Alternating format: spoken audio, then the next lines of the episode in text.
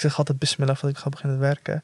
Gewoon een bepaalde mindset te hebben van in mijn werk er moet baraka zijn. In alles wat ik doe moet baraka zijn. Maar jouw aflevering was dermate verstoord dat we er eigenlijk helemaal niks mee konden. Ja. Dus eh, vandaag doen we hem opnieuw. Mohammed Ali, Malcolm X, maar ook Johan Cruijff bijvoorbeeld. Ja. En eh, heel veel andere verschillende mensen. Eh, op basis waarvan maak jij de keuze van wie is voor jou een voorbeeld en hoe kies jij wie je in het spotlight wil zetten, samen met de Arabische teksten?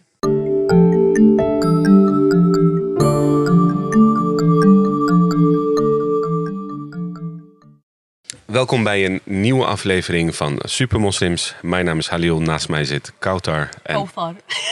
Kau- Over Kau- gesproken. Nee, laten we deze skippen. Doe maar opnieuw. Het is een beetje lullig. Maar Oké. was gewoon even Zal, ik, zal ik je achternaam ook uitspreken? gesprek. Zal ik je achternaam ook uitspreken? Kijk, onder Kan jij de achternaam uitspreken? Eh, ik weet niet wat haar achternaam is. Kijk, dat is een goede eh, save out. Dat was, dat was een goede goeie, way is out. Ik uh, lijkt zo zeggen. Ik zeg altijd Kautar B. De ga het erbij. rest vind Daar ik, sta ik bekend op. Ja, de rest ik vind ik te ingewikkeld. Ehm, ik wil het wel horen, eh, achternaam. Lang verhaal. Nee, nee, ik wil gewoon de naam horen. Ik, ik, heb, ik weet Oh, niet. gewoon überhaupt. Ja. Eh, ja, Bouchalikt. Bouchakli. Bouchalikt. Bouchak. Ja, ja. B dus. Ja, erbij Kau- dus. Kautar B. Just keep it at that. Nee, het is gewoon een kwestie van even een paar Ja. keer opnoemen, dan weet je Precies. het wel. Oké, dit is het. Dat zei ik ook tegen mezelf, maar een paar maanden verder nog steeds niet. Ja. Eh, Oké. Welkom bij een nieuwe aflevering van eh Supermoslims. Eh, mijn naam is Halil, naast mij zit Kautar en tegenover mij zit vandaag onze gast Qasim. Eh, of Kasim, of Kasim, Kasim. We hebben eigenlijk al een behoorlijke discussie over je naam gehad. Hoe spreken we dat uit? Hoe zou je het zelf uitspreken? Eh, Kasim. Kasim. Kassim. We zullen Ja. het proberen. We doen Ja. ons best. We gaan het proberen. En anders doen we af en toe Kasim, Kasim, Kasim. Nee, nee, nee. We Ik, gaan eh, ons best doen. Nee, Hij Kasim. dekt zichzelf alvast in. eh, Leuk dat je hier vandaag bent. Ehm, ik denk dat het wel leuk is om wat context eh, te schetsen aan, aan, aan deze aflevering. Is een beetje Omdat- déjà vu, hè? Ja, omdat, omdat het denk ik ehm, leuk is te vertellen, tenminste in- die zin leuk. Eh, Leuk is eh, anders. de, de, de luisteraars of de, de, degene die dit, dit clipje wellicht zien, die hebben natuurlijk eh, in aflevering 2, waar we in de intro zeggen dat aflevering 3 gehoord, eh, zeggen dat aflevering 3 is gehoord dat we audiotechnische problemen hebben gehad. Eh, nou, bij die ene aflevering resulteerde dat tot een klein beetje, ehm, eh, nou, je zou kunnen zeggen, ehm, verstoringen. Maar jouw aflevering was dermate verstoord dat we er eigenlijk helemaal niks mee konden. Ja. Dus eh, vandaag doen we hem opnieuw. ja. Ja, dat, dat maakt jou nu al extra super moslim. Ja, Dat je bereid bent ben- om nog een keer dit gesprek te voeren. Wordt Ben ik de enige die het voor de tweede keer opneemt? je bent de enige. En hopelijk ook de laatste. Technische aspecten zijn we aan het oplossen. Ja, Maar nice. goed, that's life mensen. Dus ook wij eh, hebben af en toe te dealen met eh, dat soort Precies. Ja. En, en daarmee is denk ik ook mooi om gewoon aan te geven. Weet je, wij zijn lerenden. Voor ons is dit hele podcast gebeuren ook gewoon een eh, nieuwe en een mooi traject. En, eh, en, en ja, wellicht had dit zo moeten zijn. En eh, ge- geeft dit ons weer de kans om juist weer tot nieuwe inzichten te komen. En misschien nieuwe invalshoeken voor het gesprek. Ja. En eh, nou, de, de luisteraar weet natuurlijk niet waar we het de vorige keer over hebben gehad. Dat hoeft ook niet. Dus in die zin is niks dubbel. Alleen eh, even kijken hoe ver we vandaag komen. Ja. Ik ben super benieuwd eigenlijk. En nu we toch enigszins reflectief bezig zijn. ehm, we hebben van verschillende mensen feedback gekregen online. eh, heel veel mooie complimenten, maar ook eh, constructieve feedback. Dat waarderen we echt ontzettend. Want wat Hallie net zei, het is een ongoing process. Eh, we proberen elke keer steeds beter te worden. Daarin nemen we onze gasten mee, zoals Kasim, die dan bereid is om nog een keer met ons het gesprek aan te gaan. Maar we nemen ook alles mee wat jullie ons opsturen, mailen, Instagrammen. Dus super bedankt daarvoor, want samen maken we dit wat het is. En dat wilde ik nog even gezegd. Yes. Zullen we nu echt beginnen met onze We gaan gast? nu Hij zit echt heel braaf te wachten. We gaan nu echt beginnen met onze, met onze gast van vandaag. Eh Kasim, kun jij misschien heel kort vertellen, want het thema is natuurlijk eh supermoslims. En eh, nou, wij, wij vragen verschillende gasten tijdens ehm, deze podcast om te benadrukken van nou, wat, je, wat je doet, wat je in die zin bijzonder maakt. Nou, eh, dat lijkt bij jou voor de hand liggend, maar misschien zeg je, nou, er zijn eigenlijk heel veel andere dingen die jij niet weet, uh, Halil en Kautar. Maar Nee, ik denk wel dat je gelijk hebt. Dat, hetgene, ik denk waardoor ik opval, ik weet niet of supermoslims het wordt, maar waardoor ik opval is het werk wat ik doe en dat is heel visueel. ja, Dus het is herkenbaar. En ehm, Voor de heb- mensen die jou niet kennen, Ja, laten we gewoon even een overview geven van oké, Kasim, ze weten nu alleen jouw naam. ja ik ben, ja, nee, inderdaad. Nee, ik ben Dus een, wat eh, doe je en dagelijks leven, hoe heet je bedrijf, organisatie? Ehm, mijn naam is Kasim en ik werk onder eh artiestnaam Elm. En ehm, ik ben een kalligraaf en grafisch vormgever. En wat dat betekent is, ik maak kunst, maar ik werk ook aan meer corporate projecten, zoals branding met name. En er zijn projecten waar die twee ook samenkomen. En eh, mijn stijl en de combinatie ervan is denk ik waardoor mijn werk, tenminste daar heb ik ook heel hard mijn best voor gedaan om anders te zijn dan wat andere vormgevers en kalligrafen ook doen. Dus die combinatie en op zichzelf, ja. Kun je misschien beschrijven wa- wat dat dan een beetje is wat jouw eh, werk bijzonder maakt? Dus welke combinatie is het nou net, zeg maar, waardoor je zo opvalt, volgens jou? Ehm, ik denk wat elk artiest anders maakt is wanneer ze hun eigen verhaal vertellen. Dus toen ik ehm, mijn kalligrafie, eh, mijn passie voor kalligrafie ging ehm, fuseren met andere interesses in mijn leven. Eh, het zij sport, het zij hip-hop, het zij fashion. Ehm, die combinatie, eh, het was niet per se de bedoeling van, oh, ik wil nu iets maken wat er nog niet bestaat, maar het is van, ik wil nu iets maken wat een reflectie is van wie ik ben en waarmee ik ben opgegroeid en wat ik volg. Ehm, die combinatie is wat mij dus, ehm, denk ik, anders maakt eh, dan anderen. En elk artiest eigenlijk, zolang ze hun eigen verhaal vertellen. En ik denk dat elk verhaal wel uniek is. Ehm, en ja, eigenlijk tussen ons hebben we bijvoorbeeld deze print van Muhammad Ali. En ik weet nog dat toen ik daarmee bezig was, dat het ook was van... hey, ik heb dit nooit eerder gezien en ik zou dat heel graag willen zien. Want uh, dat brengt de persoon van Muhammad Ali iets dichter bij mijn identiteit als moslim. En ik gebruik het Arabische geschrift, kalligrafie, typografie als, um, als het begin om een beetje dat, dat, dat te highlighten van hey, Muhammad Ali is een van mijn voorbeelden. En ik geef daar een eerbetoon aan op deze manier. Ja. En als we door jouw uh, Instagram-pagina scrollen, dan zien ja. we echt van alles en nog wat. Inderdaad, Mohammed Ali, Malcolm ja. X, maar ook Johan Cruijff bijvoorbeeld. En uh, heel veel andere verschillende mensen. Uh, op basis waarvan maak jij de keuze van wie is voor jou een voorbeeld en hoe kies jij wie je in het spotlight wil zetten, samen met de Arabische teksten? Um, dat is een goede vraag, want ik krijg, ik krijg ook vaak verzoekjes van mensen. Hè? Dus ik, ik deel hetgene wat op, of op dat moment gewoon met mij bezighoudt. Bijvoorbeeld, um, dat van Mohammed Ali heb ik al jaren geleden gemaakt, dus toen hij nog leefde. Maar het had een heropleving gehad toen, toen hij was overleden. Uh, hij kreeg iets meer aandacht en, het viel mensen wat meer op. Uh, maar doordat ik bijvoorbeeld mijn voorbeeld opnoem, gaan andere mensen zeggen: Nou, dit is ook een voorbeeld van mij, zou je dat ook kunnen doen? Nou, uh, een voorbeeld wat, wat bij mij opkomt is: um, iemand zei van zou je Om Kulthum doen? Nou, een bekende zangeres uit de Arabische wereld. Maar daar ben ik niet mee opgegroeid. Um, ik ken haar muziek niet, op enkele hits na. Dus dat, dat is voor mij niet voor de hand dicht om dat te gaan doen. Ik begrijp het en het zal uh, veel likes en veel aandacht kunnen krijgen, maar het is geen onderdeel van mijn verhaal uh, en wie ik ben als persoon. Ondanks dat ik wel weet dat is. Ja, Johan Cruijff heb ik ook nooit zien voetballen, maar voetbal en wat Johan Cruijff daarvoor betekent, daar, dat heb ik wel meegekregen. Met name door mijn broer. Uh, dus ik weet wel, ik kan wel iets over hem vertellen. En daardoor was het voor mij makkelijker om daar dan weer een piece over te maken. En niet per se van, oh hij is nu overleden, ik ga een piece maken en weet je, dit, is dat, dat, een, is dat een voorwaarde voor jou om je werk te kunnen maken, zeg maar? Dat je er een connectie mee moet hebben? Of kun je het ook gewoon in die zin, waar wij zijn heel zakelijk benaderen van, hé, hey, iemand vindt dit leuk, dus ik zet er een kalligrafie overheen en uh, klaar. Uh, je kan het zakelijk benaderen. Uh, dus bijvoorbeeld het voorbeeld van Omkulthum. En er zullen vast vele andere uh, ik weet niet, sporters en muzikanten, et cetera, zijn. Maar um, dat doe ik dan het liefst niet. En als ik een verzoek krijg en het is gewoon iemand wil daarvoor betalen, dan, dan is dat gewoon een opdracht. Ja. Maar dat is niet onderdeel van mijn, en noem het even de Instagram feed, wat mijn verhaal is. Tenzij, en dit is ook wel interessant, bijvoorbeeld als iemand naar mij toe komt en die wil dat, dat ik een, een, een werk maak en dat inspireert mij ook. Dus ik leer iets uit hun verhaal en uit hun verzoek. Ja, dan kan ik daar ook wel iets mee. Maar ik moet er wel iets mee hebben. Ik moet daar iets over kunnen vertellen, wat het met mij doet. En ehm, Is er een werk eh, in jouw oeuvre wat, wat jou echt het meest raakt? Of waarvan je het meest geïnspireerd raakt? Of wat jou het meest eh, omschrijft of kenmerkt? Want het zijn allemaal vrij persoonlijke interacties die je hebt met je Ja. werk. Of het moet jou op een bepaalde manier inspireren.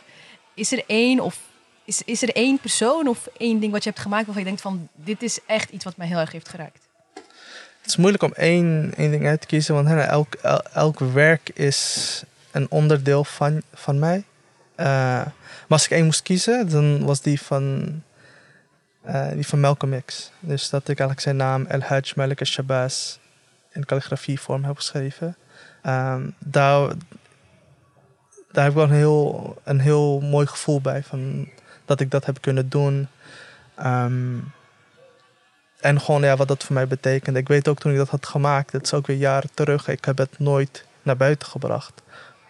Er is een bepaalde vorm van respect. En je weet dat zijn naam en zijn, zijn beeld veel wordt gebruikt. Voor, voor zakelijke doeleinden, voor commercie.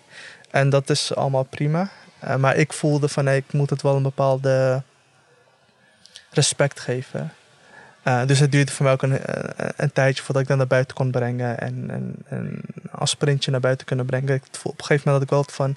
Oké, het voelt voor mij niet meer vies als het ware om dit zo uit te brengen en te verkopen. Het is gewoon wel mijn eerbetoon aan iemand die ja, veel voor mij heeft betekend.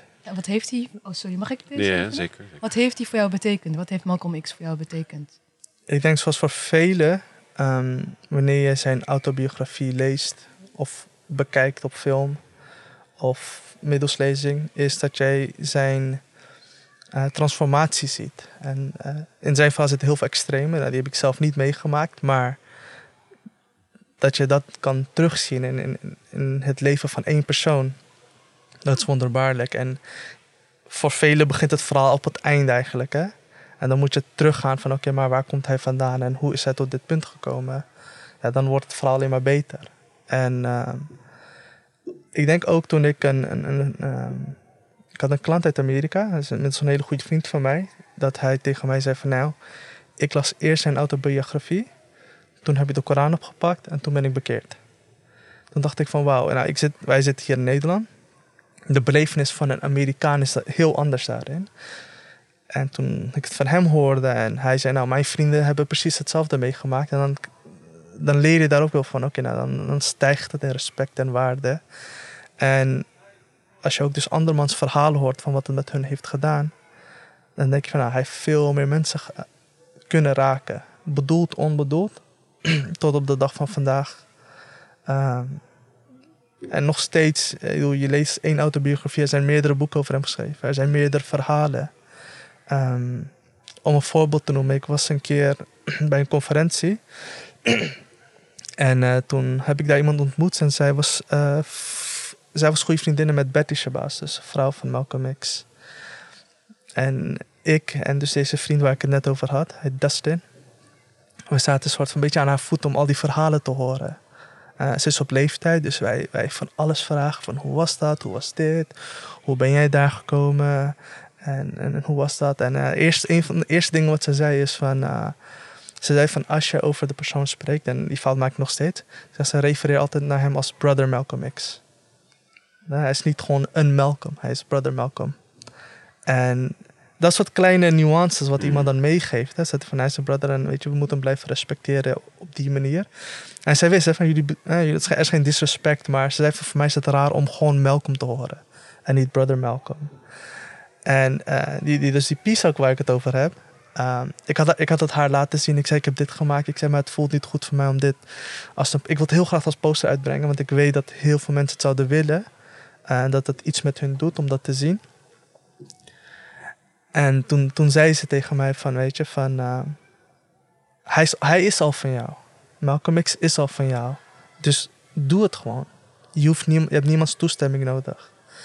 En dat, dat gaf me heel veel rust. Eh, Dus zij was dan de vriendin van Betty Shabazz. Maar zij zei van nee, het is tijd dat meer mensen dit gaan doen. Meer artiesten, meer creatievelingen, meer politici, meer academici. Dat ze, vooral als moslims zeiden, dat ze hem toe-eigenen aan hunzelf.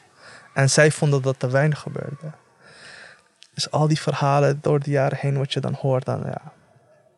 Dan krijgt die peace meerwaarde. Dan krijg, kijk je heel anders naar dat. Ja. Mooi.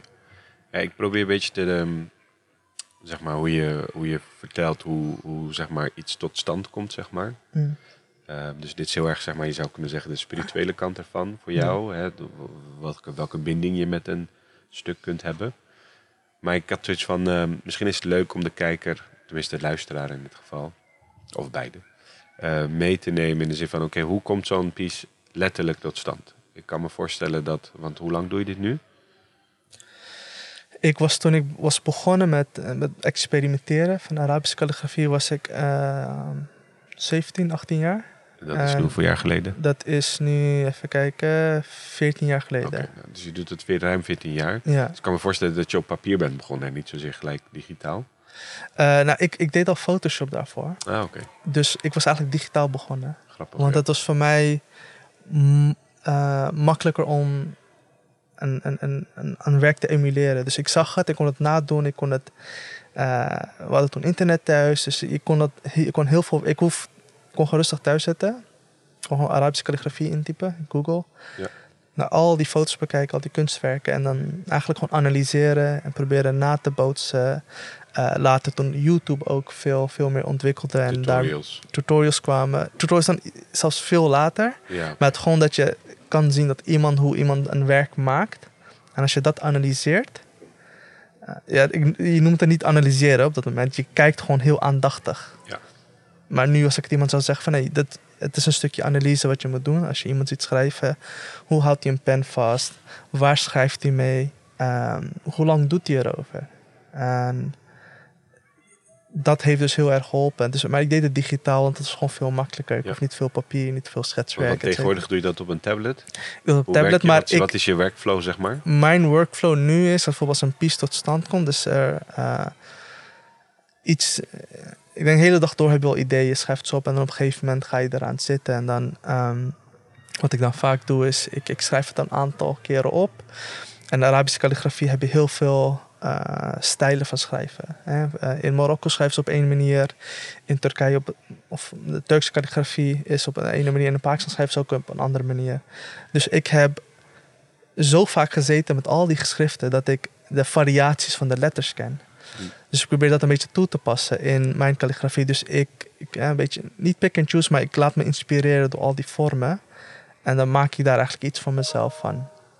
Dus toen. ehm, dus wanneer ik dat heb, dus daarom schrijf ik het een aantal keer. Ik probeer variaties te maken van, ehm, van al die schrijfstijlen. Ik pak er eentje uit en ehm, dan ga ik best wel snel op digitaal over. Omdat ik daar ook nog steeds doorschets. Het is niet van schetsen nu afgemaakt werk. Maar omdat ik digitaal ben begonnen, kan ik daar heel makkelijk, makkelijker in schetsen Ja. voor mezelf. Ja. En dan kun je ook natuurlijk spelen met lagen en dat soort dingen. Je Noem kan oneindig veel Ja, dingen ja, proberen. Kleuren, lagen. En het is ja, wat je noemt non-destructive. Hè? Dus als je eenmaal een schets maakt en je bent een piece aan het maken. En dat moet de final piece zijn. Ja, dan mag je geen fouten meer maken op een gegeven moment. Eh, zodra je de inkt erop komt. Geen potten mee, maar gebruik nu inkt. Ja, dan komen er geen fouten in. En digitaal. Je schrijft hem, je kan het manipuleren, je kan het Ja, corrigeren. precies. En Dat is je heel bent fijn. hierin dus een autodidact eigenlijk. Je hebt het jezelf aangeleerd. Ja. Wat was voor jou de motivatie om vanaf je 17e, 18e al die mensen te gaan zitten analyseren op je computer? Van, Ja, ik, vond, dreef jou om dit te blijven doen? nou, ik vond het sowieso altijd wel interessant. Alleen op, er, was, er was een moment dat toen ik, toen ik bezig was als grafisch vormgever bij een, eh, een, een kleine drukkerij. En heel veel van het werk wat ik daar deed was niet per se waar ik achter stond. Wat ik daarmee bedoel is, eh, het was gewoon een drukkerij en daar kwamen eh, een, een deel van hun klanten waren eh, mensen die feesten organiseren. In clubs en festivals. Maar ik was er best wel goed in. Het, ging me heel makkelijk af. Ehm, ik merkte op een gegeven moment, ik was bij, dat, bij die drukkerij. De klanten wilden dan graag met mij werken. Dat vond ik ook wel fijn om met hun te werken. Maar het is niet dat ik dat per se van, nou, dit is mijn werk. En ik, er was wel iets wat in mij zei van, ja, dit is niet waar je bekend om wilt staan.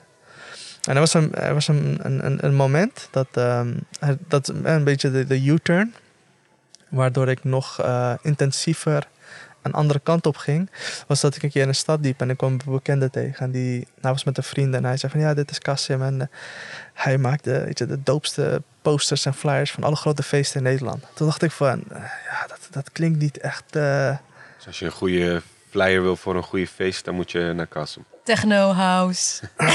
ja, die, die tijd was het R&B, hip-hop, eh, reggaeton-achtige dingen. Maar eh, eh, dat, dat, dat, Heb me je niet ooit een lekker. gemaakt met Sugar Party erop? Of eh, dat soort dingen? En, eh, vast, misschien wel. Maar, Bedek je broeder.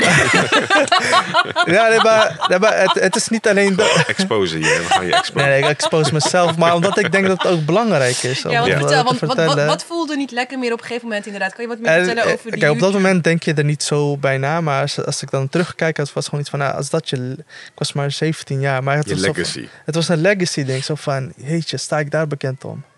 Ja. Ja, nou, voor- voor- het is stoer in het begin.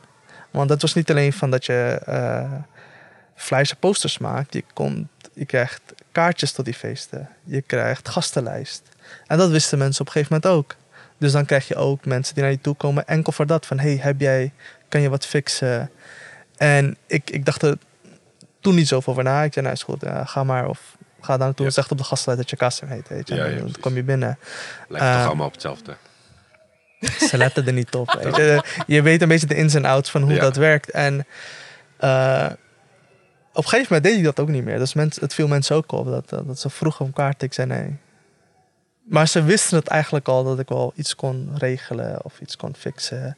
Eh, als ik het niet had, kon ik iemand bellen. Wat veranderde Ka- Kassem? Waar, waarom dacht je op een gegeven moment van nee, dit wil ik niet meer? Ja, was, Nou, het ik een, wist- was het een ethisch bezwaar? Of wat ja, was het een zeker. Het, het, het was, het was ook, mijn werk bleef daar. En het is, ik weet wat, dat, Zo commercieel tot op bepaalde hoogte. Dat is Gewoon- heel commercieel, Ja, het is ja. gewoon echt opdracht doen. Het is gewoon opdracht doen. Ja. En als je er goed in bent en mensen willen met je werken, dan, dan dat versterkt dan eigenlijk eh, dat.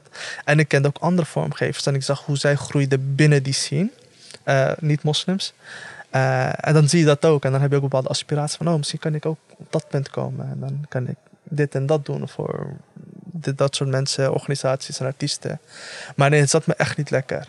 Dat moment dacht ik echt van, hé, ik moet, ik, ik, design, kunst vind ik tof ik wil hierin blijven. Want ik ken ook designers, hè, die, moslimdesigners, die gewoon gestopt zijn. Omdat ze hadden vanuit de klanten die ik heb, of de- een bureau waar ik werk, die heeft klanten waar ik als moslim niet achter kan staan.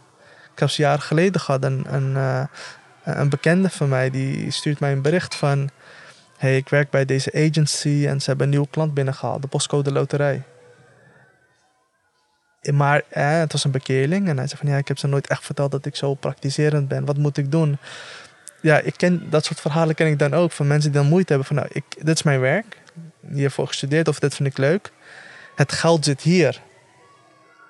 Weet je, eh, moet ik voor een Heineken of een postcode loterij of voor iets anders waar ik eigenlijk niet achter sta, moet ik daar onderdeel zijn? Hè? Moet ik, wil ik daar een schakel in zijn in hun promotie? Nou, voor veel mensen stelt dat niks voor, maar een postertje.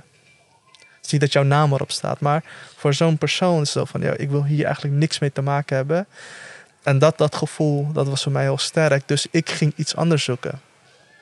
En rond die tijd was ik ook natuurlijk student. Dus ik, eh, studentenverenigingen waren heel... In die tijd waren er nog veel meer eh, studentenverenigingen met een islamitische achtergrond, om ze even te noemen. Dus ik begon daar een beetje te experimenteren. Ik kreeg daar de vrijheid om de flyers en de posters te maken zoals ik wil. Dus dat was een beetje mijn playground. En eh, Dus dat was een periode dat, dat al die flyers van die studentenvereniging en fliek waren. Alles top gedesigned ja, door die ik heb gemaakt, ik was daar wel trots op. Ja, als, als ik nu terugkijk, heb ik zo van, ja, dat, is wel, dat is wel nice. Ja. Maar dat gaf mij de vrijheid. Want zij hadden zo van, nee, we hebben maar 50 euro. Wij kunnen helemaal jou niks vertellen wat je moet doen. Maar ze gaven me de vertrouwen van, nee, het zal wel goed zitten, want jij hebt ook dit gedaan. Mijn Je portfolio... hebt ook een reggaeton gedaan, dus daar Ja, kun je ja. ook een studievereniging. ja, Precies. ja, want zij wisten daar wel van. Ja, ja. Maar je merkt dan eigenlijk als, als vriendengroep ga je dan eigenlijk ook samen meer die richting op. Hè? Ja. Je wilt weer meer praktiseren, je laat iets. Hè? Ik ken vrienden van mij die een, een DJ was, die heeft het ook achtergelaten. Van nee, dit gaat mij niet helpen om een betere moslim te zijn. Die heeft dat geprobeerd om dat zakelijk te benaderen. Ja. Maar dat gaat op een gegeven moment niet meer. Ja. En die heeft dat gewoon helemaal achtergelaten. Wat, Dus- wat betekent religie voor jou in je werk? Kan je misschien, misschien is het leuk ook voor de kijkers om, of, en voor de luisteraars om wat meer te weten over ook je artiestennaam, eh. Ja. Wat zit daarachter? Want daarin komt ook het religieuze aspect enigszins terug. Ja, er was zo'n moment dus dat ik... Ik stond bekend als vormgever en dat was gewoon Sterk Designs. En dat ik had van, oké, nou, ik wil... Ik ben vormgever, maar ik wil een artiest zijn. En, en ehm, ik had zo van, oké, het, het moet ook iets... Het moet ook mij blijven herinneren waarom ik kunst wil maken. Voor mij, kunst moet een... Het moet niet altijd een doel hebben, maar het moet betekenis hebben. En dat moet voor mij betekenis zijn. Het moet voor mij een uitlaatklep zijn. Maar ik vind het ook tof om te horen wat dat met anderen doet. En ik gebruik het ook als een eh, middel om bepaalde dingen te highlighten. Wat misschien mensen niet weten. En dan gebruik ik kunst daarvoor om dat te doen. Ehm, dus voor mij, eh, als je kijkt naar waar, hè, wat ik deed, was het voor mij, ik heb een reminder nodig van dat ik dit moet blijven doen. Dus Ilm was, ik weet niet precies wanneer dat bij mij opkwam, maar als je opgroeit met hip-hop en eh, ik zag op een gegeven moment, ik zag ilm, ik zag het, woordje, dus ilm staat, eh, staat voor kennis in het Arabisch. En ik, ik, ik weet niet, dat, er is een album van een rapper die naast heet Ilmerik. En ik zag daar het woordje ilm in. Ik dacht van, ja, wel grappig. En dus ik dacht van, oh, wat, wat als je dat gewoon, hè, die, dus Ilmerik en dan Erik laat je achter en dan pak je Ilm. Je pakt een beetje hip-hop, je pakt een beetje identiteit, van, eh, eh, je moslim-identiteit pak je het Arabische geschrift. Dus je hebt ilmkennis en je hebt il, wat betekent van ja, iets tof, iets doops, iets stoers. En het gaf me, ja, en ik had zo van, als iemand mij vraagt, dan kan ik hun dat vertellen. Van het is een combinatie van en mijn religieuze identiteit en een stukje van, ja, weet je, hip-hop is heel autodidactisch ook. Eh, er zit een bepaalde ondernemerschap erin. Er staat een beetje lef in. Ik dacht van, nou, ik wil een naam hebben wat mij, mij herinnert, mezelf herinnert, van wat ik wil maken. En mocht iemand vragen, heb ik een verhaal van waarom je mij zou moeten volgen. Mocht mocht dat iemand interesseren. Dus het is voor mij wel steeds een reflectie van als je een naam hebt wat ilm is, eh, waar ik kennis, dan heb ik, ik wil iets overdragen. Iets nieuws, eh, of je herinneren, iets highlighten. Ehm, Heb je het idee dat je eh, toen pas echt hebt kunnen excelleren nadat je zeg maar het werk bent gaan doen waarbij je zowel, je zou kunnen zeggen, spiritueel en zakelijk prettig in voelde? Dat je dan pas echt een signatuur aan je werk hebt toegevoegd waarvan je denkt van oké, nu maak ik iets waarbij mensen me echt herkennen en waarbij ik misschien ook een markt raak die juist heel specifiek is en daardoor ik juist beter kan worden of zo. ik wist voor mezelf dat toen ik begonnen was, ehm, dat toen ik iets. Kijk, als je iets schrijft, dan doe ik eerst. Ik doe onderzoek naar wat ik schrijf. Dus als ik bijvoorbeeld zelfs een verzoek kreeg van: hey, zou je deze vers uit de Koran willen schrijven? Gaf het mij de mogelijkheid om me te verdiepen in dat ene vers. Al is het iets als bismillah. Van oké, eigenlijk weet ik. Is, zit hier meer achter dan wat ik nu weet. Van, nee, ik zeg het elke dag, maar oké, maar waar komt dat vandaan? Hoe wordt het gebruikt? Dus het, en, zo'n project gaf mij de kans om erin te verdiepen en er meer betekenis aan te geven. En dus ik zag dat een beetje, een beetje, beetje, beetje lifehack. Zo van, oké, ik ga en meer verdiepen in mijn, in, in mijn geloof. En ik gebruik kunst als een, als een vorm. Dus wanneer ik iets heb geschreven, dan kan je ervan uitgaan is... Ik heb daar even mee gezeten. Ik heb daar even naar gekeken. Ik heb misschien vertaling gelezen. Ik heb uitleg gelezen. Niet dat ik daar opeens een geleerde over ben, maar ik kan je daar wat over vertellen. In ieder geval mijn, mijn, mijn reflectie daarop, van wat ik daarmee eh, heb gedaan. Ehm, dus ja, religie is, ehm, en, en, en mijn naam specifiek is gewoon een constant reminder. Is, want je kan heel makkelijk iets commercieels gaan doen. Hè? En het voorbeeld van Onkel is wat me bij heeft geleven. Ik kan dat wel doen. Dat is heel commercieel, maar van nee, ik, ik draag niks over wat van mijzelf is.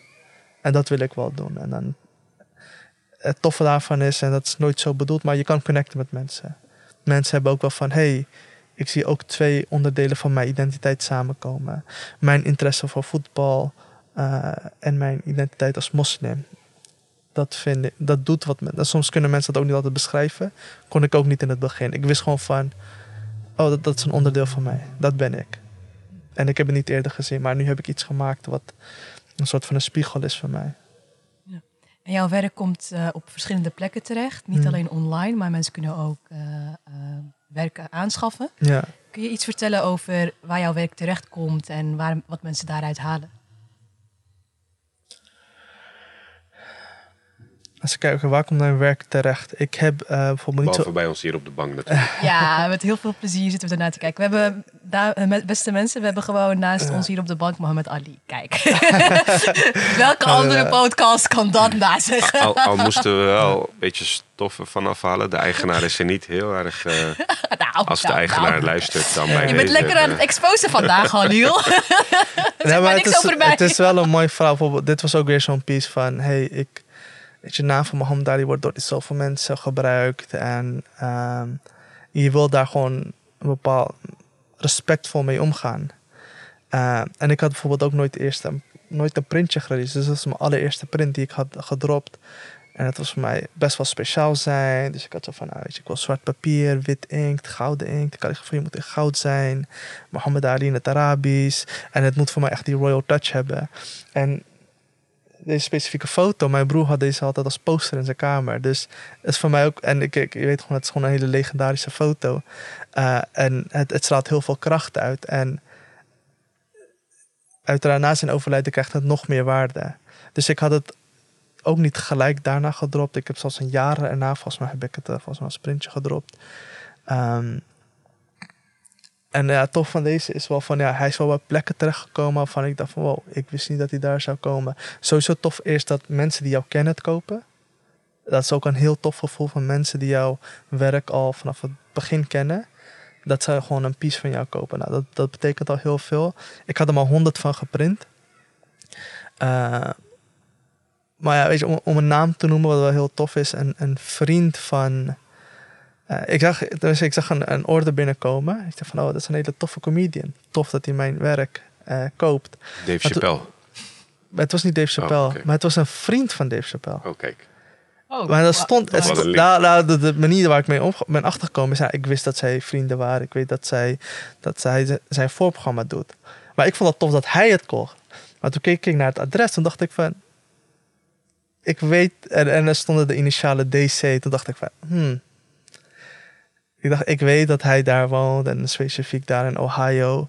Dacht ik van, wow, oké, dat is wel een dingetje eigenlijk.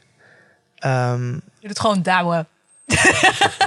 ja, dus ik dacht van, oh, hij gaat gewoon een werk voor mij naar Dave Chappelle. Ja, ik, ik ben ook opgegroeid met zijn comedy.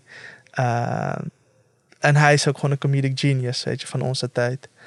Um, dus dat is wel heel vet dat, dat het daar is. En heb verder nooit een bericht terug gehad of zo. Maar daar gaat het ook niet meer om. Het gaat erom van, oh, het is wel leuk als het opvalt en dat het zo verschillende plekken terechtkomt. Uh, als het bij vrienden thuis is of bij mensen naar wie je opkijkt. Uh, vanwege het werk wat zij doen. En wat voor reactie krijg je op je werk? Dave Chappelle heeft niet echt een berichtje gestuurd, maar uh, krijgt ook uh, de, uh, mailtjes binnen, neem ik aan, en berichtjes van. En je zei dat ook, mensen herkennen zich. In, het, het, in je... ik, ik ga niet doen van, oh, ik krijg zoveel berichten binnen, maar... Fanmail. Ja, ik kan niet zeggen van, nou, heel veel mensen hebben gevraagd van wat ik hiervan vind. Nee, dat is niet zo, maar... Um, het is wel grappig, want ik had laatst al wel een post op Instagram erop gedropt van... Um, iemand had mij een bericht gestuurd van... Hey, ik volg jouw werk al heel lang. Uh, ik ben die silent follower. Ik wil je even laten weten dat ik... Uh, zo. Door mijn werk te zien van Malcolm X... heeft zij dus die Malcolm X biografie gelezen. En ze zei van, ik wist nooit dat hij zo'n grote man was. Maar ik, ik zag zijn werk en ik dacht van... Nou, als iemand hem zo eert, dan zal daar iets achter zitten. En ja, is nooit mijn bedoeling geweest. Het was voor mij gewoon van, ik, ik eer deze persoon. Dus dat het dan iemand kan bewegen van, nou, ik ga zijn boek lezen. Ik wil meer weten over hem. Daar, ben, daar word ik dan blij om. En ook ziet van, oh, ik heb daar iets uit gehaald. En ik ben zeker van dat die persoon zijn eigen lessen eruit haalt. Um, maar ja, je, je krijgt wel eens in de zoveel tijd krijg je wel een weet je, iemand die jou echt even wat laten weten wat het met hun heeft gedaan. Ik denk misschien een van de grootste complimenten um, is dat een, een, een, vriend van mij. nou, hij, hij is wel creatief, maar hij, doet niet per se iets met kunst. Hij, hij is nu een app developer en is daar echt kei goed in. Maar hij zei wel een keer tegen mij gewoon heel random van... hey, als ik niet zag dat jij het deed, wist ik niet dat het kon. Dus ik zag dat jij het dus, dus ik ben het ook gaan doen. Dacht ik van... Maar ik, ik zei tegen hem, ik zei ja, maar je bent al goed. Like, hetgene wat jij doet, hè, app developing.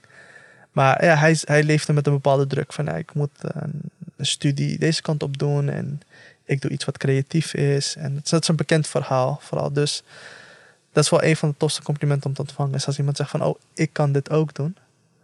En dit hoor ik dan van iemand die mijn leeftijd is en tegen mij zegt van, nou, het feit dat jij het doet, betekent dat ik het ook kan doen. Dan denk ik van, oh, dat is wel tof. Dat ik, Ja, dat ja, want je- geeft ook ehm, workshops, Ja. zag ik. Ik Ja. volg je ook op Instagram. Ja, En ehm, nou, dat zijn eigenlijk jongeren.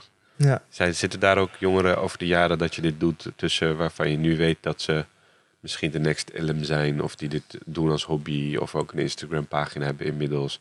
Ken je dat soort verhalen of hoor je dat soort dingen wel eens terug? Van dat ze, nou, misschien niet per se Arabische calligrafie, maar dat ze wel geïnspireerd raken om het op hun eigen manier eh, te doen? Als ik workshops geef voor, eh, met kinderen, wat je dan vaak ziet is, nou, je, hebt, hè, je hebt een deel die gewoon totaal niet geïnteresseerd is. Ja. Dat zijn vaak dan CKV-les, hè, wat, Ja. wat zij moeten volgen. Je hebt een deel die het heel tof vindt en dan heb je de aantal die echt al iets met kunst doen. En die, je, je ziet, die benaderen het heel anders. Ehm, ik, ik zeg altijd van, hey, wat ik dan vaak bij ouderen merk, hè, is dat wanneer ik bij hun workshops, dat van, ja, ik deed vroeger dit. En toen, ik heb er geen tijd meer voor gehad. Je En hebt het nooit heb doorgezet. nooit doorgezet. En het hoeft, ja, je hoeft er niet je werk van te maken. Eh, want ik vind dat bijvoorbeeld calligrafie ook heel therapeutisch werkt. Ik heb één keer een, een workshop mogen geven waarvan de doelstelling was van het is een vorm van therapie. Dus je moet het ze een plek kunnen geven. Nou, jongeren stellen je de vraag, nou, hoeveel geld verdien je ermee en eh, bla bla. En dat is ook heel begrijpelijk op die leeftijd. Maar ik probeer ook mee te geven van, je kan het, als je wilt kan je een carrière van maken. Je kan het ook gewoon als hobby en je hoeft er niet geld mee te verdienen. En dat kan gewoon voor jou zijn. Ehm, ik zie wel mensen waarvan ik denk van, als jij dit kan op leeftijd van hoe oud je nu bent, je zou het ver kunnen schoppen. Maar ja, je weet nooit wat de factoren omheen. Misschien wil die persoon gewoon wel een tandarts worden of een arts of iets anders, weet je. Eh, misschien wel bakker worden. Is allemaal cool. En het is van, oké, hoe plaats je dit? Maar ja, het zijn ook kinderen die wat alleen vanuit geld benaderen. Van hoeveel verdien je ermee? Vooral als je zegt dat je met Daily Paper hebt gewerkt. Dan is in één keer van, wow, oké. Oké, hier kan je dus geld mee verdienen. En dat is dan, voor sommigen is dat de enige factor Ja. wat er is. En voor mij ook wel hoor. Eh, ik had wel zo van, oké, ik moet hier wel van kunnen leven. Ik wil in deze sector blijven. En ik wil dit dag in dag uit doen. Want ik deed ook andere banen en ik wist van, ah, dit hou ik niet vol. Nou, ik kan het volhouden, maar dat doet er dan in ieder geval iets. niet gelukkig van. Ik word er niet gelukkig van. Nee, nee. En dat, dat leer dan andere ba- bijbaantjes leren je dat dan van, oké, nou eigenlijk wil ik toch dat gaan doen. Dus ik ga wel, weet je, mijn eh, een business mindset ga ik het wel benaderen. Maar ik, ik doe dat zodat ik ook gewoon mijn kunst kan blijven doen. Ja, en- oh, sorry. Ik wilde eh, vragen over die business mindset. Ja. Ehm, want je hebt er natuurlijk een aantal dingen bereikt die toch wel piekmomenten genoemd kunnen worden. Je noemde net Daily Paper. Ja, Eh, volgens mij heb je ook een samenwerking gehad met Nike, ja. Red eh, Bull. Red Bull. Red Bull, ja. Eh, Dat zijn van die ja, ja, kun je een paar van die mijlpalen noemen voor degenen die je dus niet zo goed kennen, ja, die toch wel waar je trots op bent. Een van de eerste grote namen was Red Bull. En dat was, eh, ik denk, rond 2012, 13. En, en wat het dan project is, is, Red Bull heeft heel veel artiesten die bij hen getekend zijn. Ik weet niet of Max Verstappen nog bij Red Bull zit, maar zij sponsoren heel veel bepaalde specifieke sporten waar zij in zitten. En dan bijvoorbeeld Extreme Sports is daar één van. En zij hadden zeg maar eh, kampioen van het Midden-Oosten in, in, motocrossen. En ze zeiden van nou, wij willen, weet je, hij is zo goed bezig, we willen voor hem een hele speciale helm maken. En wij weten dat hij deze quote heel mooi vindt en zou je dat in calligrafievorm willen doen voor onze, eh, onze atleet? Nou, dat zeg je natuurlijk gewoon gelijk ja. Ehm, dan is het wel heel tof. Nou, ik kan zeggen van nou, ik heb met Red Bull gewerkt. Nou, het, is, een heel klein project eigenlijk. En het voor hun is het een soort van een cadeau naar hun atleet toe. Eh, maar dat soort dingen, dat vind ik ook wel heel interessant. Van hoe, hoe werkt dat? Van oké, zij sponsoren hem, zij volgen hem, zij zorgen dat hij het beste atleet kan zijn in zijn sport. Ehm, en zij eren hem op deze manier van ja, wij willen een speciale helm voor hem laten maken. En daar moet Arabische calligrafie in zitten. Red Bull was daar, is, is gewoon zo'n naam waardoor je eigenlijk opvalt. Ik heb wel grotere projecten gedaan voor namen, voor minder bekende namen. Eh, voor Nike hadden wij samen een workshop gedaan, customization workshop van een basketball jersey eh, in Dubai. En ja, dan heb je, dan heb je Nike opeens op je clientlist staan. Ehm, Daily Paper was een hele toffe. Die, ik kende ehm, de jongens daarachter, of in ieder geval één specifiek. Hussein kende ik al, al twee jaar. Eh, af en toe gewoon een berichtje sturen. En zij hadden op een gegeven moment een t-shirt waarvan ze dachten van... hé, hey, we willen daar iets mee gaan doen. Wij willen misschien wat calligrafie zou je dat willen doen. Nou, je bent een fan van het merk. Ik ben meer fan van de drie jongens en wat zij hebben, eh, eh, wat zij hebben kunnen oprichten met z'n drieën uit, vanuit Amsterdam. En dat zijn dan van dat, dat projecten van ja. En dan vooral bij jongeren, zo'n Daily Paper heeft iets meer aanzien dan een Nike. Dat is ook altijd heel grappig. En bij een oudere doelgroep vindt zegt Nike weer iets meer met Daily Paper. Dus je gebruikt, ja, ik gebruik dat om, um, om een beetje te laten zien van nou, met kunst vooral. En dat is vooral tof om tegen jongeren te vertellen. Want ik had een keer een workshop met uh, wat kids. En dan had ik dat in een tafel waar, waar gewoon jongens waren die wilden gewoon totaal niet meedoen. En uh, ze, ze wilden ook niet doen alsof ze bezig waren. Ze hadden gewoon echt zo van, ik vind dit niks aan. En ik vroeg gewoon een van die jongens van, hé, maar weet je, wat, ik zei, doe gewoon alsof. Voor mij, doe gewoon alsof je bezig bent. Hij zei, ja, maar waarom zou ik dat doen? Wat kan ik hiermee? En omdat, zeg maar, die workshop was zo hectisch. Normaal, ik was mijn intro vergeten. Want ik weet, met jongeren moet je dat een beetje... Moet je ze even vertellen wat jij bereikt. Zodat ze jou die aanzien geven, respect en, en, en aandacht. Dus toen wist ik van, oh ja, ik ben mijn intro helemaal vergeten. Dus ik ging terug en ik vertelde hem van... Van... Uh, Even een onderbreking van de glazen was. Ja, ja, nee. We hebben even heel vriendelijk gevraagd of je dat life wil happens, doen. Life happens. Ja, ja, ja, ja, ja. ja, ja. Nee, um, dus, dus dat ene jongen had zo van, ja, wat kan ik hiermee bereiken? Dus ik vertelde hem van, nou, met kunst. En het eerste wat ik zei, ik was een beetje brutaal tegen hem, dat hij brutaal tegen mij deed. Ik zei, je denkt toch niet dat je ik zei, hier... Mattie, ik pak je buiten, of niet? Nee, ik zei tegen hem, denk je dat ik gratis sta hier? Ja. Want dat... dat, dat Kunnen ik... we hier een sound effect achter zetten? Zo'n wow! nou, zijn vrienden zeiden dat dus wel, hè. Want uh, het was niet alleen hij. Hij was gewoon de meest bij de hand op dat moment. Uh, want die andere jongens, als je dan langs de tafel hielp, deden ze nog wel zo van... hé, hey, ik ben wel iets aan het Deze doen. jongen was rebels. Deze jongens was heel rebels. En uh, ik begrijp het. Ik heb ook zoveel CKV-les gehad die, waarvan ik die ook niet interessant vond. Maar ja, ik, ik doe wel mijn best. Maar hij had daar gewoon geen zin in. En dat kan heel veel redenen hebben. Maar ik zei wel tegen hem... Want ik weet waar het draait om gaat. Ik zei, denk je dat ik hier gratis sta, les te geven, tien uur in de ochtend, om met jou te praten over dat je mee moet doen? Ik krijg hiervoor betaald, hè? En dan van, oh, oké, okay, krijg je betaald hiervoor. Want ze, ze, hebben gewoon geen beeld van hoe dit werkt.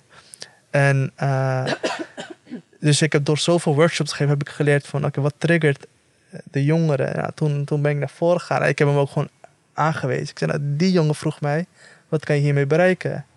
Toen zei ik, nou, je, een Daily Paper, een Nike en een Red Bull. Toen was ze van, wow, oké. Oké, okay, nou, dan kom je achter het paar van... Geef me die, geef me die pen. Ja, ja precies. ja, nou, hij deed nog steeds niet mee, maar hij gaf ja. geen weerwoord. Hij gaf in ieder geval credit. Hij gaf credits. Hij, uh, en je weet toch gewoon een... Niet eens een nod, maar gewoon van... Oké. Okay. Ik hey, weet hoe laat als, het als ik dit zo hoorde, dit ja. ik moet denken aan wat je net eerder zei over het balanceren eigenlijk van dat zakelijke, professionele met het spirituele, religieus, wat je ook in je werk terug wil laten komen. Ja. Want um, je gaf net al aan bijvoorbeeld dat vrienden dan bijvoorbeeld niet willen werken met of voor de staatsloterij. En um, anderzijds geef jij nu net ook aan dat het soms bijna helpt voor je legitimiteit als artiest om te kunnen droppen dat je met Red Bull of X of Y hebt gewerkt. Ja. Hoe, hoe ga jij om met die balans? Want uh, aan het begin van het gesprek ging het heel erg over werk dat jou raakt, uh, dat jou inspireert. Maar daar overtuig je zo'n jongen in zo'n klas misschien niet mee. Terwijl het voor jou wel heel belangrijk is. Hoe, hoe zoek je daarin je weg? Ja, ik probeer. Uh, hoe zoek ik? Ik, ik vind het ook gewoon voor, voor mijn ontwikkeling toch om met een Nike te werken. Kijk, jou, als jij opgroeit met hip-hop, met sport, daar zijn merken onderdeel van. Merken maken ook de scene tot op een bepaalde hoogte. En nu meer met eh, hoe social media de afgelopen jaren is gegroeid, dat jij meer exposure hebt naar merken toe. En daarom wou ik bijvoorbeeld Daily Paper tof vinden. Het is gewoon een homegrown brand vanuit Nederland. Eh, het zijn jongens met wie ik zou, zou kunnen zijn opgegroeid. Zij komt dan Amsterdam, maar het is een reflectie van jezelf en je ziet wat zij kunnen bereiken. Is, ehm, dat is, dat, daar kan ook spiritualiteit in zitten. Ik, ik, ik, raak, ik krijg heel veel inspiratie uit, uit, uit, jongens als Daily Paper. En om ook anderen te kunnen laten zien van... hey, zelfs ik, op, opgegroeid in de Schilderswijk... eh, met kunst heb ik met deze merken aan tafel kunnen zitten. Zij hebben daar iets kunnen zien. En ehm, dit doet me weer denken aan een, een, een workshop dat ik gaf een keer in, in het zuiden van het land. Dat was een islamitische basisschool. En een, ehm, was meisje, denk van ik weet, 7, 8, 9 jaar. Ik weet nog haar naam, heette Shaima. Na, na, op het eind van de workshop vroeg ze mij van... Oh, dus je kan hier geld mee verdienen. Hier kan je van leven van iets wat je leuk vindt. En als je een workshop gegeven, is het best vermoeiend. Als je, dus het eind- ik zei van ja, je hebt wel gelijk. Je kan geld verdienen met iets wat je leuk vindt. Toen zei ze, dat wil ik ook. Nou, dan denk je van nou, dat is een geslaagde dag vandaag. Dus dat vergeet je zelf ook op een gegeven moment. Je geeft gewoon een workshop, je doet even een projectje hier. Het zijn- Natuurlijk, het is heel tof. Wat, je- wat, ik vind heel tof wat ik doe. Maar alles heeft ook zijn mindere kanten. Eh, zijn onderdelen van, weet je, van een creatief proces wat, waar je even moet doorbijten. En als het eff- net even niet lukt, moet je juist doorgaan. Dus toen zij zoiets zei, ik zei ja, ik doe iets wat ik tof vind. En ik weet nog, die dag ik zo van, oh, ik moet zo ver moeten reizen voor deze workshop. Kinderen waren vermoeiend. En dan zoiets kleins, dan denk ik van ja, Mooi. ik ben wel blij dat ik. ik eh, zij is, maar zij is iemand die dan. Zij komt naar je toe en ze vraagt en ze praat met je. Ik weet ook veel kinderen, want ik ben ook zo iemand. Die, die zou dan misschien niet praten of, of niet durven zeggen. Dus Wat ik hier mooi aan vind, is het Ja. verhaal van Shema, maar ook die app-developer, die vriend van jou die jij net ja, aanhaalde. Dat beide op een bepaalde manier ook zijn geïnspireerd, puur door te zien wat jij je eigen weg inslaat. Ja. En dat vind ik ook heel mooi dat je dat weer aan ons teruggeeft. Want als ik, ik kijk ook even Halil aan, want wij proberen dat ook te laten zien met deze podcast. Van Ja. hey, je kunt op zoveel verschillende manieren je verschillende identiteiten op een bepaalde manier inzetten, daarin je eigen ding doen bij wijze van. En alleen dat al eh, kan anderen weer inspireren. Dus Ja. die verhalen die je dan met ons deelt, waardeer ik ontzettend. Dus dank daarvoor. Even tussendoor, ik- omdat het gewoon heel erg raakt aan wat we aan en het doen zijn. degene die mij hebben geïnspireerd, ik probeer zo. Ik probeer ze wel te vertellen dat ze mij hebben geïnspireerd. Wie ik zijn dat? Of, of, of, zeg maar, we hebben het net gehad over wat grotere namen, maar zou je misschien iets meer willen delen? Ik bedoel, misschien is het ook heel persoonlijk hoor, maar wat, wat zijn jouw belangrijke inspiratiebronnen om door Nou, bijvoorbeeld heel specifiek met calligrafie. Er waren ook andere artiesten die ook hun eigen stijl begonnen te ontwikkelen. En toen ik dacht van, wow, ik wist niet dat dat kon. Ik dacht dat dit het is en hier blijf je binnen. Maar toen maakte zij denken van, oh, dat is ook echt heel mooi. En dan jaren later kom je ze tegen, dan kan je ze ontmoeten. Dan heb ik ze gewoon verteld, ik zei, hey, jij hebt mijn werk geïnspireerd. Sommige dingen zie je dat heel duidelijk. Maar ik zeg gewoon het feit dat jij dat deed. En jij liet zien van, nou, er is ook een andere manier dat heeft mij geïnspireerd. En dat sta je niet elke dag bij stil, maar er is een moment dat je denkt van hé, ja, jij hebt mij geïnspireerd. Zijn het artiesten die mensen kunnen opzoeken? Misschien wel leuk. om Eh, dan een van de te zal. El Seed zijn. Oh ja, Eh, mooi met die gebouwen, hè? ja, wat hij, wat hij ja. doet en hoe, wat hij heeft bereikt is heel vet. Eh, maar er is ook bijvoorbeeld een marketingprofessor uit eh, in, in Engeland. Hij heet ehm, Jonathan Wilson, Dr. Jonathan Wilson. Ik weet niet dat ik met hem zat en toen hadden we het over LC en andere calligrafieartiesten. En hij vertelde mij in, in een paar zinnen wat mij anders maakt dan hun. Want hij zei van nou, als je met hun allemaal in één kamer zit. En je hebt een Adidas en Nike en allemaal grote merken rondlopen waarom zouden ze met jou moeten werken? Ja, ik kon dat niet formuleren op dat moment. En hij vertelde dat tegen mij. Hij zei: Het feit dat jij dit, dit en dit in jouw culturele bagage hebt, dat zou zo'n merk interesseren om met jou te werken. En ik begrijp dan waarom bijvoorbeeld een Nike met mij zou willen werken. Ze had vast ook wel met LC willen werken hoor, daar niet van. Maar ik heb ook een, laten zien van wie ik ben als artiest. En dat zijn dan ook de bepaalde mensen en merken die, die ik wil aantrekken hierdoor.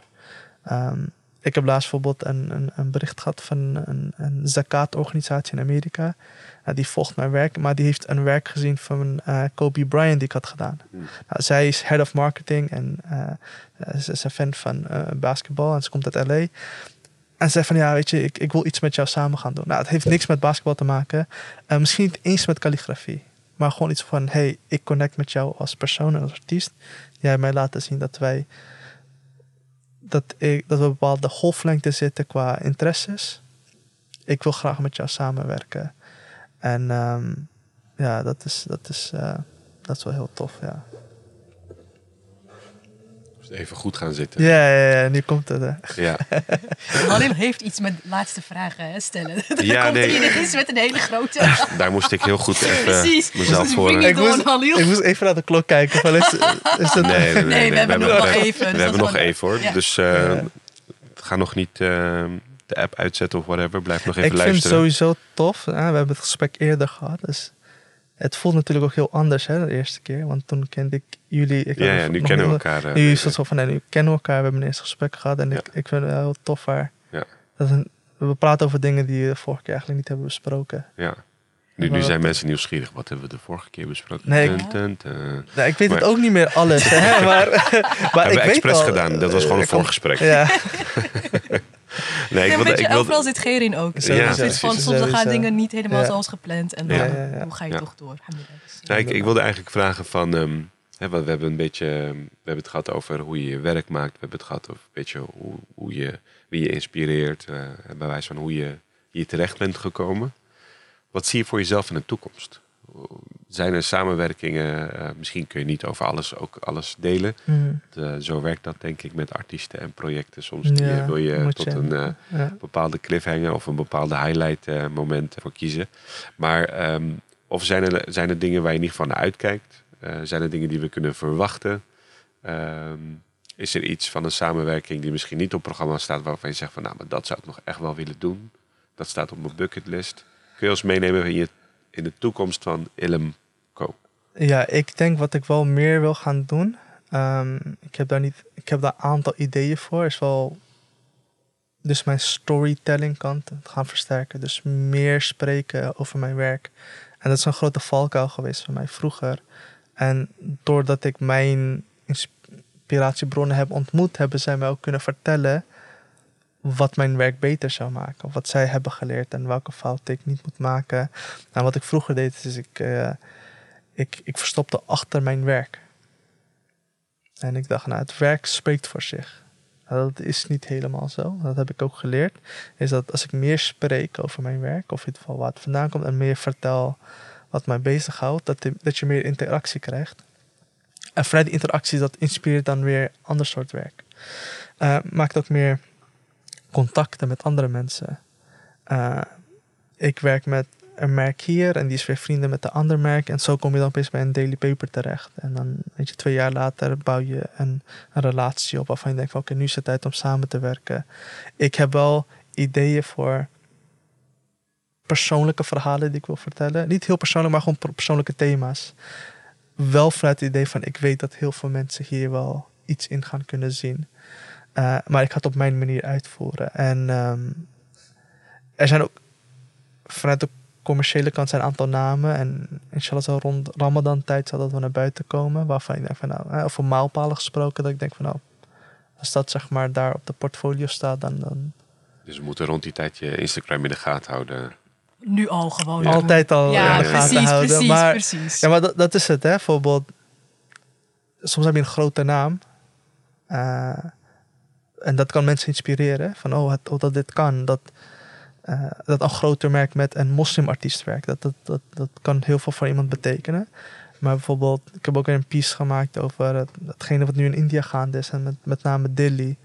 Eh zat er ook een aantal dagen mee. Ik dacht van, nou, ik, wil, ik wil gewoon hier iets voor over schrijven. En, en ja, ik, ik, schrijf gewoon Delhi op. En ik zeg van, ja, weet je, mogen alle de moslims daar beschermen. En mogen alle, alle moslims beschermen. eh, die nu te maken hebben met de oppression. Eh, maar dat raakt dan een hele specifieke groep. En dan krijg je ook berichten terug van, ja, weet je, eh het zei iemand. Ja, ik heb familie daar nu en die, eh, is nu gaan slapen bij een oom die veel verder woont, want ze kunnen niet meer terug naar hun huis. En dat soort verhalen krijg je dan mee om weer, om weer, weet je, van oké, het is geen, het is geen Nike of een Daily Paper, en uiteraard niet, maar hier zit ook, weet je, heel wat in. En dat, dat doet met mensen en dat raakt mensen ook. En het heeft ook bereik. En mensen delen dat. En daar komen andere mensen gaan dat zien. En vooral nu een tijd, ik bedoel, het is nu al een paar dagen, misschien een aantal weken nu bezig. Maar het, je vergeet het weer, want dat is weer iets anders gaande in de wereld. Ehm, dus ik wil, die, ik wil iets meer diepgang hebben in mijn verhalen. Dus nu, ik zet een daily, ik zet een dwa, maar ik wil iets meer vertellen over mezelf. En ik denk waar ik eigenlijk dit jaar wil werken is van oké, wie ben ik, waar kom ik vandaan? En om dan te van oké, nu ben ik hier terechtgekomen. Want ook in zo'n gesprek, een gesprek met anderen, is van oké, waar, waar begint dit gesprek? Weet je? Wat is het startpunt? Is het die jongen die ik in de stad tegenkwam en tegen mij zei van ja, jij bent, uh, hij maakt alle toffe posts. Dat, dat was een keerpunt, maar ja, daarvoor zijn ook andere verhalen van, weet je, uh, bijvoorbeeld Rajel Mohandes zei over, wij zijn post 9-11 kids. Ja, dat heeft natuurlijk ook uh, invloed gehad. Ik heb moslims gehad die tegen mij zeiden, je moet niet zoveel Arabische kunst maken. Want? Um, want ik, bijvoorbeeld, ik ging ook heel veel t-shirts printen vroeger. En ik liep daarmee naar buiten. Ze waren bang dat er negatief, ja, negatieve reacties zouden krijgen daardoor. En um, dan had ik bijvoorbeeld aan een project in Marokko. Toen zei de eigenaresse voor, uh, van het project, uh, zij is Amerikaans. Zegt ze, heel, heel tof die t-shirt. Ik zei, dat is grappig. Ik krijg, krijg van jou een compliment, maar daar krijg ik dan weer van, hé, hey, doe dat gewoon niet. Laat dat niet zien. En uit angst dan? Uit angst, ja. Dus Dat, er zitten heel veel verhalen die ik zelf ook nu aan het ja, opzoeken ben. Van nou, kan ik hier iets mee? Kan ik hier iets over vertellen? Het is wel grappig dat je dat zegt, want ik had een tijdje... Je had die ene actie van, voor vluchtelingen, Maraban. Die ene, dat ene shirt die... Ja. Ik weet niet of je die kent. Ja, ja, die heeft Peter de Vries gedragen. Al Ja, ja. BN'ers hebben die gedragen. Nastien jaar, noem maar op. En eh, ik zat met die eh, sh- shirt zat ik in een uitzending van Nieuwsuur. Hm. En ik had die ook een keer op werk aan. En ik merkte wel dat het inderdaad wel bij heel veel mensen wat triggerde van wat staat daar eigenlijk. Ja. Eh, en en nou, überhaupt dat ik gewoon dat, dat, dat men die vraag stelt, maar niet zozeer. Ik voelde bij heel veel niet zozeer een nieuwsgierige vraag van hé, wat staat daar, maar meer zo van wat staat daar? Zo wil je eerst even uitleggen wat dit is, als ik moest verantwoorden, zeg maar. Ja. En dan, eh, nou, dan leg je uit dat het Maraban welkom eh, betekent, eh, of in ieder geval een, ook een signaal was richting vlucht. En dan was het mis van, oh oké, dan is het oké. Ja. Maar ik had zoiets van, maar wat, als hier wat anders had gestaan, dan was het dan niet oké of zo. Dus er zat een hele rare vibe in. Dus ik, ik moest toevallig daar even aan denken van, van Ja. ja. blijkbaar zitten we wel in een tijd waarbij Arabische letters wat met mensen doen. En het ironisch is, dat is dus niet alleen in het Westen zo. Eh, om daar niet te veel op in te gaan, maar dat gebeurt bijvoorbeeld ook in Turkije, waarbij ook daar eh, bordjes of wat dat weggehaald worden, omdat het dan niet Turks is. Hè, dus, dus, dus het grappige is, het maakt er meerdere elementen, meerdere lagen, maakt het wat los als, als in, het is niet van ons of zo. Ik heb een keer een workshop gegeven voor een Tu- Turkse studentenvereniging. En daar heb ik het toen heel erg gemerkt van... Nou, als, als iemand die in Arabische calligrafie werkt... Er, ehm, van de Ottomaanse tijd... is het heel erg gaan bloeien. Ja, vooral in de tijd van... ehm, eh, welke sultan was het? Sultan Suleiman, de Magnificent. ehm. dus die heeft heel veel... Zij hebben in zijn, in zijn tijd heel veel tijd en energie en geld geïnvesteerd in de kunsten en allerlei vormen. En zo is eigenlijk calligrafie wat we nu kennen. De, de, de hele sophisticated calligrafie wat we vaak in moskeeën zien. Ja, die, heeft, die is zich ontwikkeld in een bepaalde tijd, in een bepaalde periode. Dus daar refereer ik ook altijd naar. Een stukje van, omdat het met studenten te maken was, universitaire studenten. Ik was een beetje uitleggen van, hey, waar komt dit vandaan? En vooral omdat het van, Turkse afkomst is. Ik zeg van, hey, dit is jullie heritage. En, dat was heel, en toen kwam ik erachter dat iemand zei oh ja, maar dit is... ehm dat was een meisje, zij kon dus Turks in het, eh, in het Arabisch schrijven. Maar zij noemen het dan Ottomaans. Ik schrijf. Ottomaans. En dat, zo leer ik dan heel veel. Ik, hè, ik ben de docent daar. Ik probeer, Ja. En zo krijg ik weer heel wat van hun mee. En wat ik ook heb geleerd met Arabische calligrafie is... eh, zoals islam in verschillende eh, regio's kwam... in verschillende landen, in verschillende delen... is hoe zij ook een geschrift hebben gepakt... en hun eigen hebben gemaakt. En lokaal is ontwikkeld. En eh voor bij die Turkse, ik, ik merkte dat toen ik een, weet je, een shout-out gaf. en Esso naar de Ottomaanse staat. Uh, sommigen viel dat niet helemaal uh, fijn. En sommigen vertelden ook van ja, mijn opa en oma die konden het ook nog zo schrijven, weet je. Maar we hebben het een beetje verleerd en daarom zit ik hier om weet dat meer te gaan leren. En voor anderen was het zo van, hey, leuke activiteit voor, uh, voor jongeren. Maar er zit een religieus uh, slash politiek soms uh, een flavor aan. Het is niet in een vacuüm ontstaan. en dat, dat waar ik wel altijd al meegeven. Dus, dus je kent het in alle, alle vlakken, zoals ik zei. Er zijn, er zijn moslims geweest die zeiden van, draag het gewoon niet voor. Maar en het, uit goede bedoelingen uiteraard. Hè? Ja, ja, het is goede een soort van bedoeld om je te beschermen natuurlijk. Ja, ja. ja. Want je, ik ook gaan terugclaimen uiteindelijk. Hè? Ik denk dat dat nu een beetje de beweging Precies. is. Dus dat mensen zoiets hebben van, hey, this is it. Dit is Arabisch. Dit is ook een deel van wie ik ben. Ja. Kijk er maar naar en uh, succes ermee. Ja. En ik ben wel bereid vragen te beantwoorden. Dus ja, daar precies. niet van. Maar ik draag wel dit shirt. Ja, taal dus ik vind dat wel een gezonde ontwikkeling. Dat we gewoon steeds meer gewend raken aan verschillen. Maar ook woorden terugclaimen. Zoals jihad en noem maar op. Weet je. Bismillah, Allahu eh, Akbar. Gebeurt ook zijn, bij de Oscars. Die zijn gewoon van ons. Ja. hey, gaan we toch naar de laatste vraag? Ja, mag, die mag jij stellen vandaag. Mag ik die stellen vandaag? Even nadenken. Leuk. Um, oh, verval ik daar mo Moeilijk. See nee, ja, nee, heel tof. See what I did there. ja, jij, jij, jij, zit, jij zat er al voor. Dus. Ja, nee, als we het dan toch even hebben over religie en, en over hoe alles dan samenvalt. Ja. Um, je gaf net aan dat um, jouw werk jou op een bepaalde manier ook een soort lifehack biedt. Om wat meer te verdiepen in bepaalde teksten en uh, verzen. Ja. Um, misschien mooi als je dat zou willen. Uh, om te delen ter afsluiting van welk Koranvers uh, of welke uitspraak of welk Arabische of islamitische idee of concept inspireert jou en zou jij aan anderen mee willen geven? Want als er één ding is, wat zou dat dan zijn? Uh, het, op Koranversen zijn het vele. Maar ik denk, uh, afhankelijk van waar je in het leven staat, spreekt het ene net op dat moment, misschien op dat ene tijdstip van de dag. En laatst kreeg ik een herinnering van een, uh, een andere designer. Die zei gewoon van, ja weet je, begin je werk met bismillah. En het, is grappig, wat uh, we waren aan het facetimen en hij zag dat mijn muispad Weet je, die, ik, ik had die uit Istanbul gehad. Het lijkt op een gebedsmat. Ja, ja, ja, hij zei, oh, weet je, het is al, it's already blessed, zei hij, weet je. Jouw, jouw mouse Ik zei, ja, dat, dat vond ik wel grappig daaraan. En hij zegt van, ja, weet je, ik zeg ook altijd bismillah voordat ik ga werken. En hij is een houtbewerker. Ik zeg altijd bismillah voordat ik ga beginnen werken. Gewoon een bepaalde mindset te hebben van...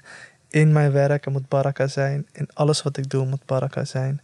En um, dat moest we weer denken. Bijvoorbeeld mijn, mijn, vader, hij is, uh, hij is al een aantal jaren overleden. Maar hij is, is iets wat ik doe door hem. En hij heeft me nooit geleerd. Maar voordat hij ging tandenpoetsen, zei hij bismillah. En dat, ik kan niet tandenpoetsen zonder bismillah te zeggen. En het zijn kleine, van die kleine uh, dingen die je kan doen om jezelf in een bepaalde mindset te zetten. Van oké, nu ik ga iets doen in de naam van Allah. Zegen het. En dat geeft ook een reflectie van waar ben ik mee bezig. Ik bedoel, je kan ook verkeerde dingen doen en dat zeg natuurlijk geen bismillah. Maar als je weet van voor, voor elke handeling, voor elke bis, uh, dat, dat je jezelf in een bepaalde mindset zet. En hij, hij herinnerde mij, want ik deed dat vroeger dan ook. En hij zei van nou, voordat ik begin te werken, bismillah, voordat ik de ruimte instap, ik, ik, ik sta er even bij stil wat ik nu ga doen. En het is gewoon die uh, uh, intentie, purpose. Ja. Dus dat is wat op dit moment bij mij wat nu in mijn hoofd zit. Van. Ja, voor de, voor de, voor de luisteraar die de, die de termen misschien niet mm. even toch verduidelijken. Bismillah is natuurlijk de naam van God. dus dat gaat inderdaad heel erg over je intentie. Ja. En noemde het baraka, dat zijn vooral de zegeningen die zitten in de, ja. zou je kunnen zeggen. Ik denk dat de zegeningen zijn wel de goede vertalingen. Dat, je, dat, dat het meest, in de dat het meest denkend is in de zin van dat er zegening in zit, dat er goedheid in zit. Ja. En uh, het gaat inderdaad heel erg over een uh, mindset. En uh, ik denk dat we ook met die mindset uh, deze podcast begonnen zijn. Ja. En uh, daarmee ook tot een einde gekomen zijn. Ja, heel mooi voor deze, dankjewel voor deze oh, met aanzet. met bismillah te eindigen. Bismillah, ja, eindigen met bismillah in plaats van te beginnen. Ja. Maar ja. alhamdulillah, ja, alhamdulillah. gaan we weer eindigen. Lekker op de moslims. Ja, precies. nee, maar heel fijn. Dankjewel. Ja, bedankt. Hiermee zijn we aan het einde gekomen van deze aflevering van uh, Supermoslims. Um, ik wil iedere luisteraar graag aansporen om ook, als je het niet hebt gedaan, de andere afleveringen terug te luisteren. Die zijn denk ik ieder op een eigen manier inspirerend. We proberen hele diverse, leuke uh, gasten voor jullie eh, te zoeken.